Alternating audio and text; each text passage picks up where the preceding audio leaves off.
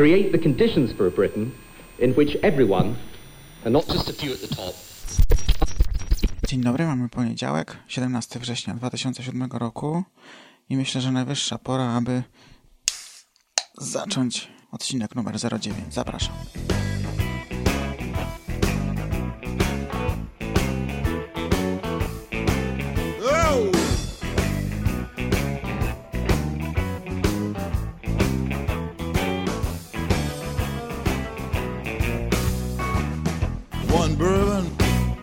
One sky, one beer. I said, hey, Mr. Bartender, uh, come here. Want another drink and I want it now. The girl, she gone, she been gone tonight.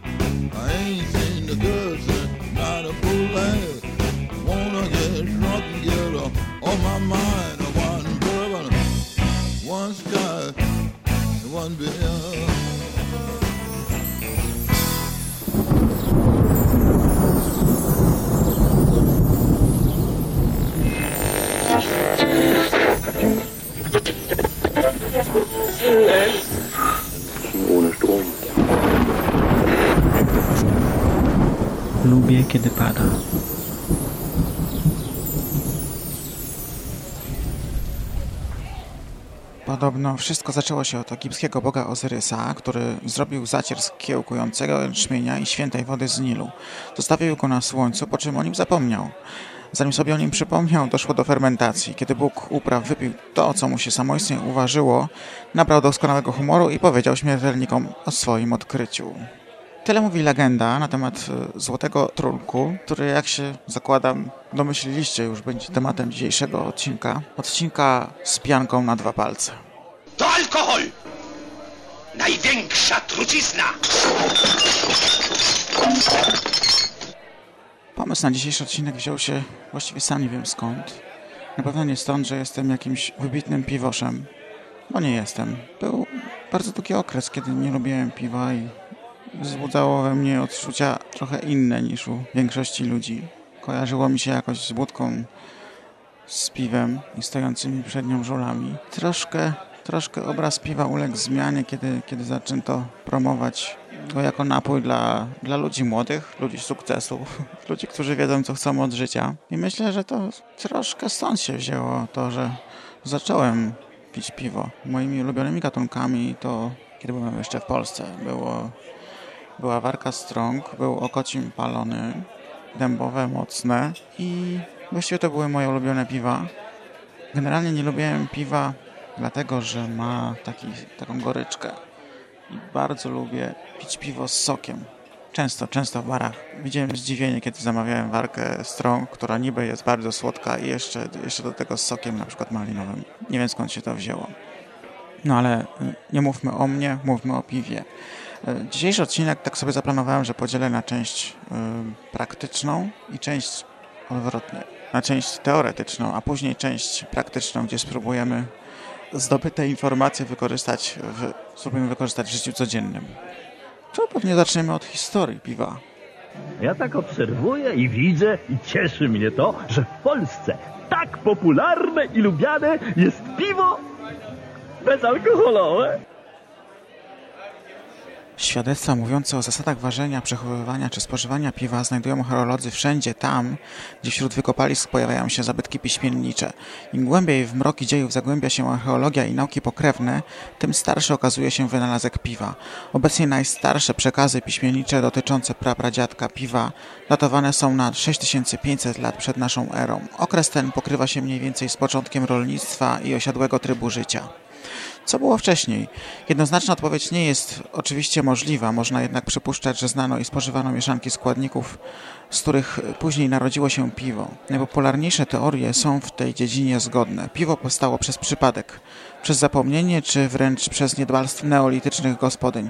Do dziś spożywane w wielu rejonach świata jęczmienne podpołmyki łatwo wchłaniają wilgoć, a do tego wystarczy odrobina drożdży wszechobecnych w powietrzu, odpowiednia temperatura do fermentacji i powstaje papka o składzie i działaniu identycznym z dzisiejszym piwem. Najstarsze naczynia zasobowe, gliniane zasobniki do przechowywania tego, co gotowi jesteśmy uważać za najstarsze piwo, znaleziono na terenie dzisiejszego Iranu. Wiek tych naczyń określa się na 6500 lat przed naszą erą. Wszystkie odkrycia zabytków z wieków późniejszych pełne są już świadectw związanych z piwem. Zasady ważenia i metody przechowywania piwa zapisali Sumerowie pismem piktograficznym. Z odkrytych w XIX wieku kamiennych tablic wiadomo, że Sumerowie znali kilkanaście gatunków piwa o różnej mocy i przeznaczonych dla różnych warstw społecznych i płci. Piwowarzy, podobnie jak właściciele lokali sprzedaży, cieszyli się ogromnym szacunkiem i z uwagi na wielkie zasługi społeczne zwolnieni byli z obowiązku służby wojskowej. Przywileje wiązały się jednak z ogromną odpowiedzialnością, a skoro mowa o starożytnym wymiarze sprawiedliwości, trzeba sięgnąć do kodeksu Hammurabiego. Śmierć przez ustopienie groziła na przykład kelnerce przyjmującej napiwki. Podobna kara spotkać musiała każdego, kto ośmielił się ważyć piwo niezgodnie z obowiązującymi regułami, bądź fałszującego piwo już podczas sprzedaży do konsumpcji. Poza piwnym prawodawstwem Babilonia to także gwałtowny rozwój gatunków. Do znanych już odmian tego napoju dołączają kolejne. Piwa jęczmienne, piwa o różnej zawartości cukru w brzeczce. Piwa z dodatkami, miodem bądź sokiem daktylowym, wanilią, przyprawami korzennymi. Piwo nierozerwalnie związane jest z jednym z siedmiu cudów świata – wielkimi ogrodami Semiramidy tak wspaniałych wnętrzach królowa nie mogła gasić pragnienia byle czym. Stąd też dnem Eufratu król Nabuchodonozor II, Wielki, poprowadził rurociąg łączący browar z Pałacem Królowej. Kolejny wielki krok w rozwoju piwowarstwa zrobili Egipcjanie, którzy na szeroką skalę stosować zaczęli klarownie piwa. Po wstępnym filtrowaniu w trakcie leżakowania do piwa dodawali odpowiedniego gatunku gliny, która łączyła się z osadem drożdżowym i opadała na dno. Egipcjanom, a konkretnie faraonowi Tutenchamonowi, zawdzięczamy kolejną porcję wiedzy o starożytnych piwowarach i piwowarstwie. W jego grobowcu odnaleziono miniatury ponad 1800 narzędzi używanych przy wyrobie piwa. W innych egipskich grobowcach sprzed 3000 lat znaleziono podzielone na odmiany drożdże różnych kultur. Współcześnie do osiągnięcia takiego etapu czystości potrzebne jest sterylne laboratorium. Bo pić to trzeba umieć. You are listening to samusha.com.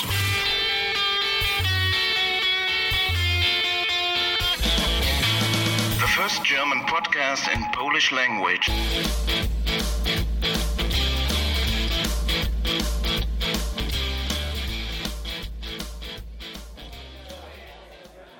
A co się działo w czasach nam nieco bliższych? Otóż chrześcijanie wino przypisywali rolę sakralną, a piwo było traktowane jako napój orzeźwiający. Wraz z rozprzestrzenianiem się zakonów technika wytwarzania tego szlachetnego trunku była udoskonalana. W IX wieku do opactwa Saint-Gallen w Szwajcarii należała słodownia i trzy browary. W każdym z nich misi przygotowywali inny gatunek piwa. Tertia dla pielgrzymów, Cerewizja dla codziennego użytku oraz Prima Melior, najlepsze piwo trzymane na specjalne okazje. To właśnie zakonnicy zaczęli dodawać chmiel około tysiącznego roku oraz przenieśli fermentację do zimnej piwnicy. W średniowieczu produkcja piwa coraz bardziej nabierała cech przemysłu. Pierwsze browary typu rzemieślniczego powstały w XI wieku w Londynie i w Trondheim. Wkrótce rozprzestrzeniły się na całą Europę. W owych czasach bardzo trudno było przywilej ważenia piwa cechy narzucały obowiązek odbycia praktyki czeladniczej, nawet 3 lata. Wielkim amatorem piwa był sam król Bolesław Chrobry. W Polsce piwo można nazwać napojem narodowym. Powód tego jest dosyć prozaiczny. W naszym kraju nie dojrzewa winorośl. Gal Anonim w swoich kronikach pisał Goście Piasta obficie zapijali jedzenie beczułką dobrze sfermentowanego piwa, które ciągle ubywało. Zaś Jan Długosz opisując nasze obyczaje wspomina Wino tu rzadko używane ma jednak naród polski napój ważony z pszenicy, chmielu i wody. Po polsku piwem zwany ale nie ma nadeń lepszego dla pokrzepienia ciała. Jest nie tylko rozkoszą mieszkańców, lecz i cudzoziemców. W wieku XVI było na naszych ziemiach już 86 browarów. W Polsce Pierwszy zapis określający prawa odnoszące się do produkcji i sprzedaży piwa pochodzi z 1272 roku. W okresach trudności surowcowych chmiel zastępowano ziołami, a jęczmień owcem i żytem. W związku z tym w 1434 roku w Weisse wydane zostały statuta taberna, który stanowi m.in., że do produkcji piwa można używać tylko chmielu, jęczmienia i wody. W 1516 roku książęta bawarscy wprowadzili obowiązujące do dzisiaj tzw. Tak prawo czystości. W 1842 roku w czeskim browarze Praznoj w Pilźnie po raz pierwszy przeprowadzono tzw. Tak dolną fermentację, uzyskując złocisty, klarowny napój. W 1871 roku Karl von Linde wynalazł maszynę chłodniczą, co pozwoliło browarnikom uniezależnić się od klimatu. Dzięki odkryciu Ludwika Pastera można było przedłużyć przydatność do spożycia piwa. Rozwój kolejnictwa z kolei umożliwił wysyłanie piwa do dużych ośrodków przemysłowych. To pozwoliło na rozwój browarnictwa do dzisiejszych rozmiarów. Lubisz słuchać mądrych ludzi, mających wiele do przekazania innym, inteligentnych, oczytanych. Takich tutaj nie usłyszysz. Słuchaj podcastu polskiedetroit.com A co wiemy o piwie w Polsce? Na ziemiach polskich piwo znane było już od najdawniejszych czasów. Jako podstawowy napój Polaków wymieniany jest w kronikach Gala Anonima i Wincentego Kadłubka. Początkowo piwo ważone było w każdym domu. Od chaty ubogich wieśniaków po dwory możnowładców. Z biegiem lat i w miarę pogłębiania się różnic społecznych, korzyści wynikające z produkcji i sprzedaży piwa, przejmować zaczęła szlachta, bogaci mieszczanie, wreszcie cechy. Na prywatny użytek piwo nadal ważyli przedstawiciele wszystkich niemal rzemiosł. Polskim odpowiednikiem bawarskiego prawa czystości był wydany przez wojewodę Firleja zakaz produkcji piwa ze zboża innego niż pszenica. Przygotowanie słodu z jęczmienia lub z mieszanki zbóż groziło utratą waru. Różnice kulturowe poszczególnych regionów kraju uniemożliwiały zbyt rygorystyczne przestrzeganie rodzimego prawa czystości. Piwowarze z Podhala z powodzeniem stosowali owies, chmiel zaś był wśród tamtejszych piwoszy w ogóle nieznany. Liczne próby regulacji polskiego rynku producentów i sieci sprzedaży piwa nie przyniosły nigdy pożądanych rezultatów. Piwo oczywiście różnej jakości, produkowane i pite było wszędzie i przez wszystkich. Dzięki zachowanym rachunkom z królewskich dworów wiadomo, czym i w jakich ilościach raczyły się koronowane głowy. Do najpopularniejszych piw rodzimych, nie wiadomo czy ze względu na wodę, czy też ze względu na kunszt tych akurat piwowarów, należały gatunki z Piotrkowa, Proszowic, Piątku, Łęczycy czy Bydgoszczy. Import obejmował przede wszystkim ciemne, wręcz czarne piwa świdnickie, sprowadzane i sprzedawane wyłącznie przez władze Krakowa, a także piwa z innych miast Śląska, Wrocławia czy Głogowa. Ilość rodzimych, znanych i cenionych gatunków piwa na przestrzeni kilkuset lat liczy się już w setkach. Wszystkie praktycznie przekazy pamiętnikarskie czy literackie wymieniają po kilka czy kilkanaście miast, skąd pochodzi dobre piwo. Podobnie rzecz ma się z gatunkami importowanymi. Historycy polskiej gospodarki, mówiąc o produkcji i spożyciu piwa, zazwyczaj podają przykład piątku. Browary kilkutysięcznej zaledwie miejscowości w ciągu roku w połowie XVI wieku produkowały i sprzedawały ponad 800 tysięcy litrów piwa. Statystyki, głównie podatkowe, potwierdzają, że podobnej ilości produkowano i sprzedawano także w innych miejscowościach. Paradoksalnie wyjaśnieniem tak ogromnej ilości piwa na głowę jest pobożność naszych ówczesnych rodaków. W ciągu roku obowiązywało ponad 190 dni postu, w tym około 50 dni postu ścisłego, a piwo dozwolone w tych okresach znakomicie uzupełniało brakujące kalorie. Dolna fermentacja stosowana w tej chwili, poza dosłownie kilkoma wyjątkami, w Polsce pojawiła się w XIX wieku. Zmiana technologii, przede wszystkim konieczność długiego leżakowania piwa drastycznie wpłynęła na rynek producencki. Okazało się, że do ważenia piwa potrzeba sporego kapitału, który w dodatku nie zwraca się z miesiąca na miesiąc. Stąd na rynku pozostały tylko duże, silne browary, początkowo z reguły zasilane kapitałem niemieckim i czeskim. Stąd także importowano do Polski piwowarów w odpowiednich kwalifikacjach do pracy z dolną fermentacją. Uprzemysłowienie produkcji wpłynęło na strukturę sprzedaży. Zgodnie z niemiecką modą najpopularniejszymi lokalami do picia piwa stały się tzw. Tak Zastępujące dotychczasowe szynki. Najsłynniejszym XIX-wiecznym browarem, wcale nie ze względu na jakość piwa, okazała się fabryka porteru Somera. To właśnie pożar tego zakładu był sygnałem do rozpoczęcia powstania listopadowego. Słuchacie podcastu Lubię kiedy pada. O Boże, skąd on się tu wziął? Taki piękny. Ja tu zawsze jestem.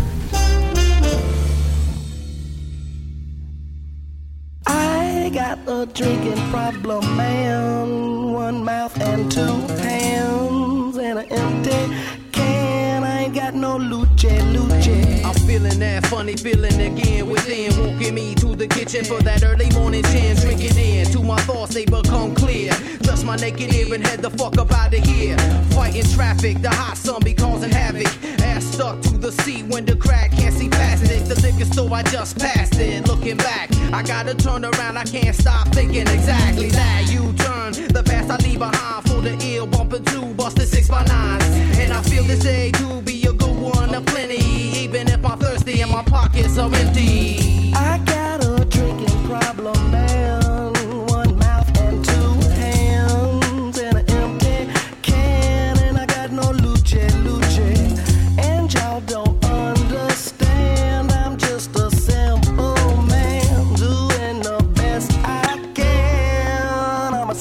no.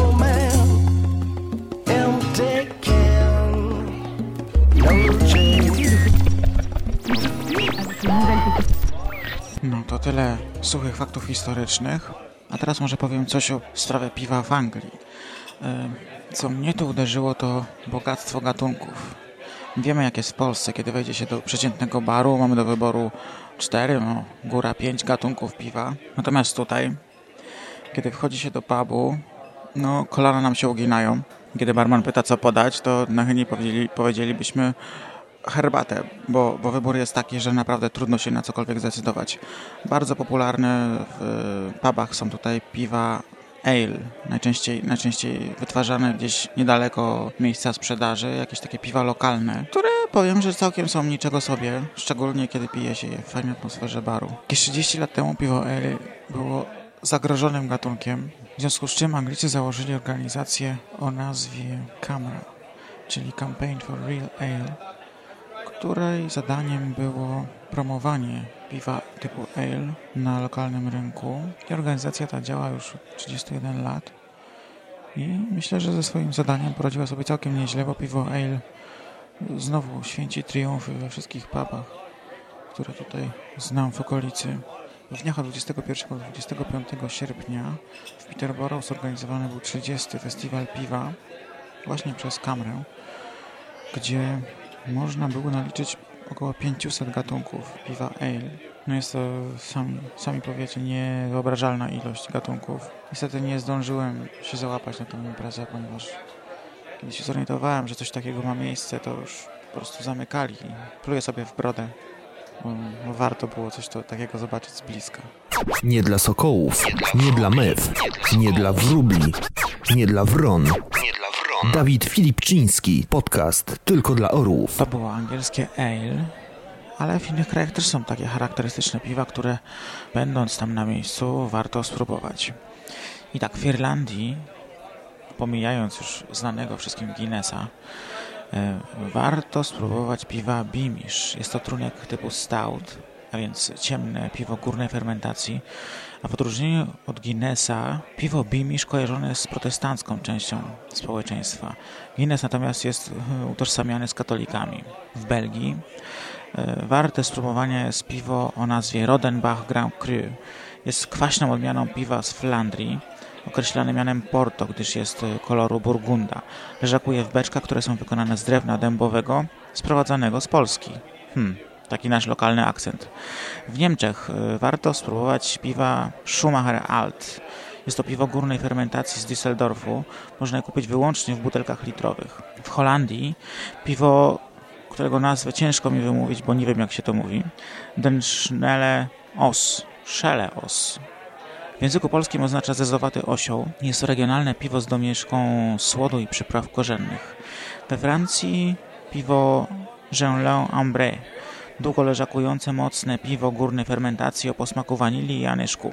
A w USA ciekawostka, bo USA znane jest z piw raczej niskoprocentowych, a właśnie tam produkowane jest piwo najwyższej zawartości alkoholu.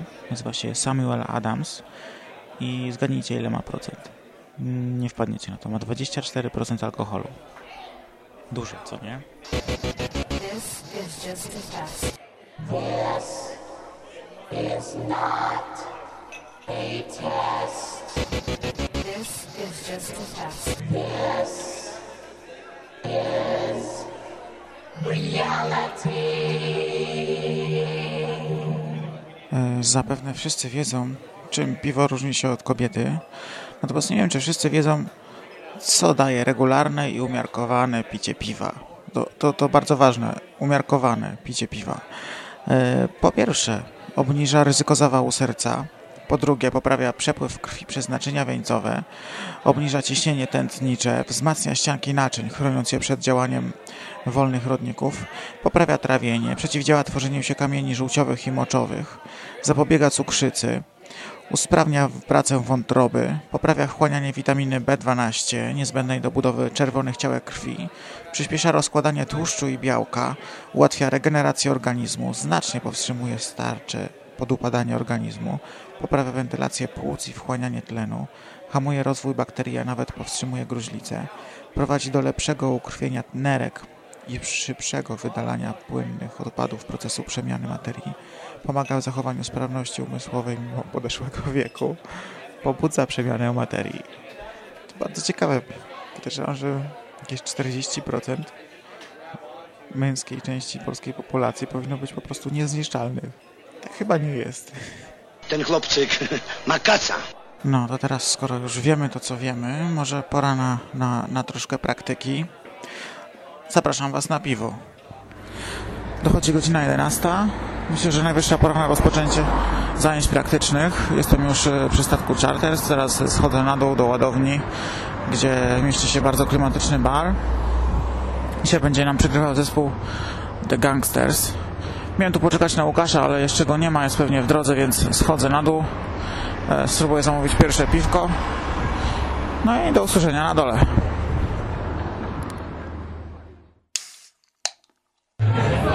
Dole jest dosyć głośno, nie wiem czy będzie w ogóle coś słychać, ale no przystąpimy do pierwszego ćwiczenia, czyli zamówienia pierwszego piwa.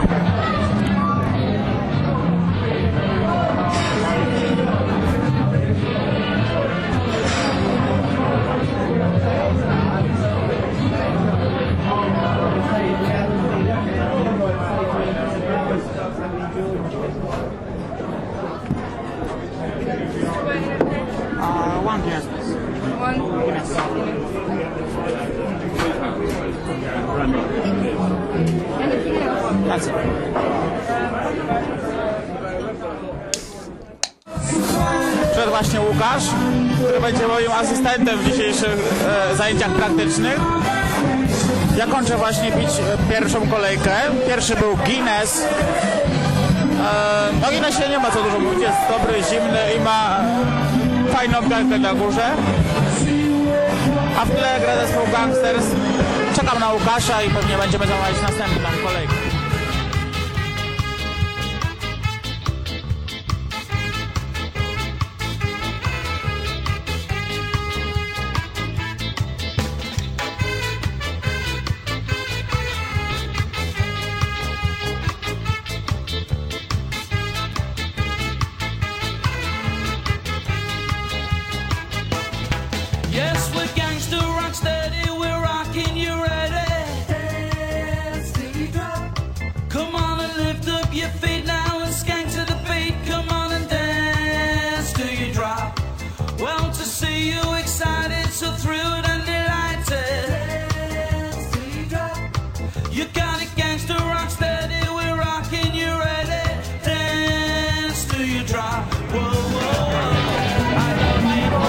Jako drugie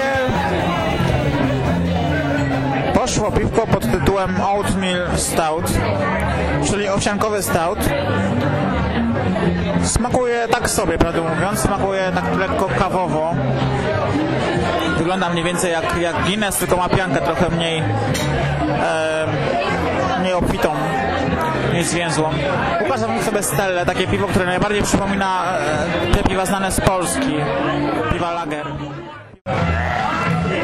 Łukasz, ty zamówiłeś Stelle. Dlaczego Stelle? Dlaczego pijesz Stelle? Która najbardziej przypomina te piwa, które znamy z Polski. Czemu nie pijesz piw, które są tutaj, takie trochę inne? E, dlatego, iż, e, powiadam, że chciałem przedstawić naszą partię e, PPPP, e, czyli co oznacza Polska Partia Przyjaciół Piwa e, AA, czyli anonimowych alkoholików. Nasza partia powstała e, 20 minut temu. Ale dlaczego Stella? Wasze? Ale dlaczego? Ponieważ... Dlaczego nie pijesz piw lokalnych takich? Stella jest lokalna, ale dlaczego nie pijesz takich piw dziwnych? Tutaj nasi przyjaciele też piją e, stelle. My też to pijemy, nie? Ja nie piję Stella. Głupie pytanie zadajesz. Dobra, dzięki. No, dobra, spokojnie. ale ten. Zamawianie piwa w takim tłoku nie jest proste. Trzeba pomachać troszkę pieniążkiem, wtedy e, barman do ciebie podejdzie. To taka wskazówka. Nie tak ostentacyjnie, tak trochę delikatniej. Bo- Może być źle odebrany. No, Łukasz jest znowu Stella. Dlaczego? Wytłumacz. Dla, bo nie rozumiem. Dlaczego znowu Stella? Dlaczegoż? Odpowiadam. Ponieważ nie ma innego. Jest tysiąc gatunków różnych piw. Próbować w ogóle innych piw, czy tylko ciągle pijesz Stellę? Stąd nie, tylko piję stare, tak. Tylko piję stare, ponieważ jest tylko stela. No dobra, powiedzmy, że rozumiem.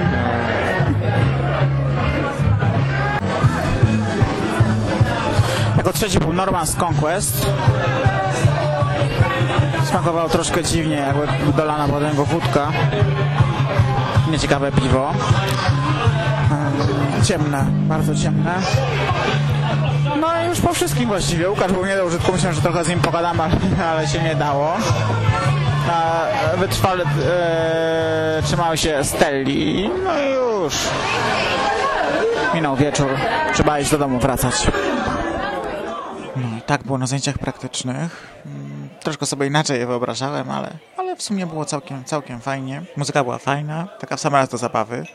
No i to było tyle, jest już późna godzina. Muszę kłaść się spać, bo jutro rano wstaję do pracy, więc kończę ten podcast. Dziękuję Wam za uwagę.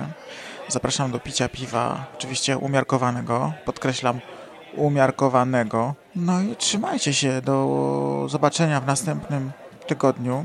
Będzie to już odcinek dziesiąty, jubileuszowy. Przygotowuję dla Was coś specjalnego, coś troszkę innego. I właściwie to już tyle na dzisiaj. Ja nazywam się Tomek Kęcki. Trzymajcie się ciepło. Do zobaczenia, pa!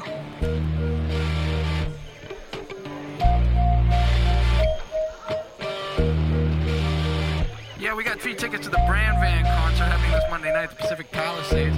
Uh, you all all in if you uh, want to answer a couple of questions. Uh, mainly, what is Todd's favorite cheese? Uh, Jackie just called up and said it was a form of Roquefort. Let's see about that. Give us a ring ding ding. It's a beautiful day.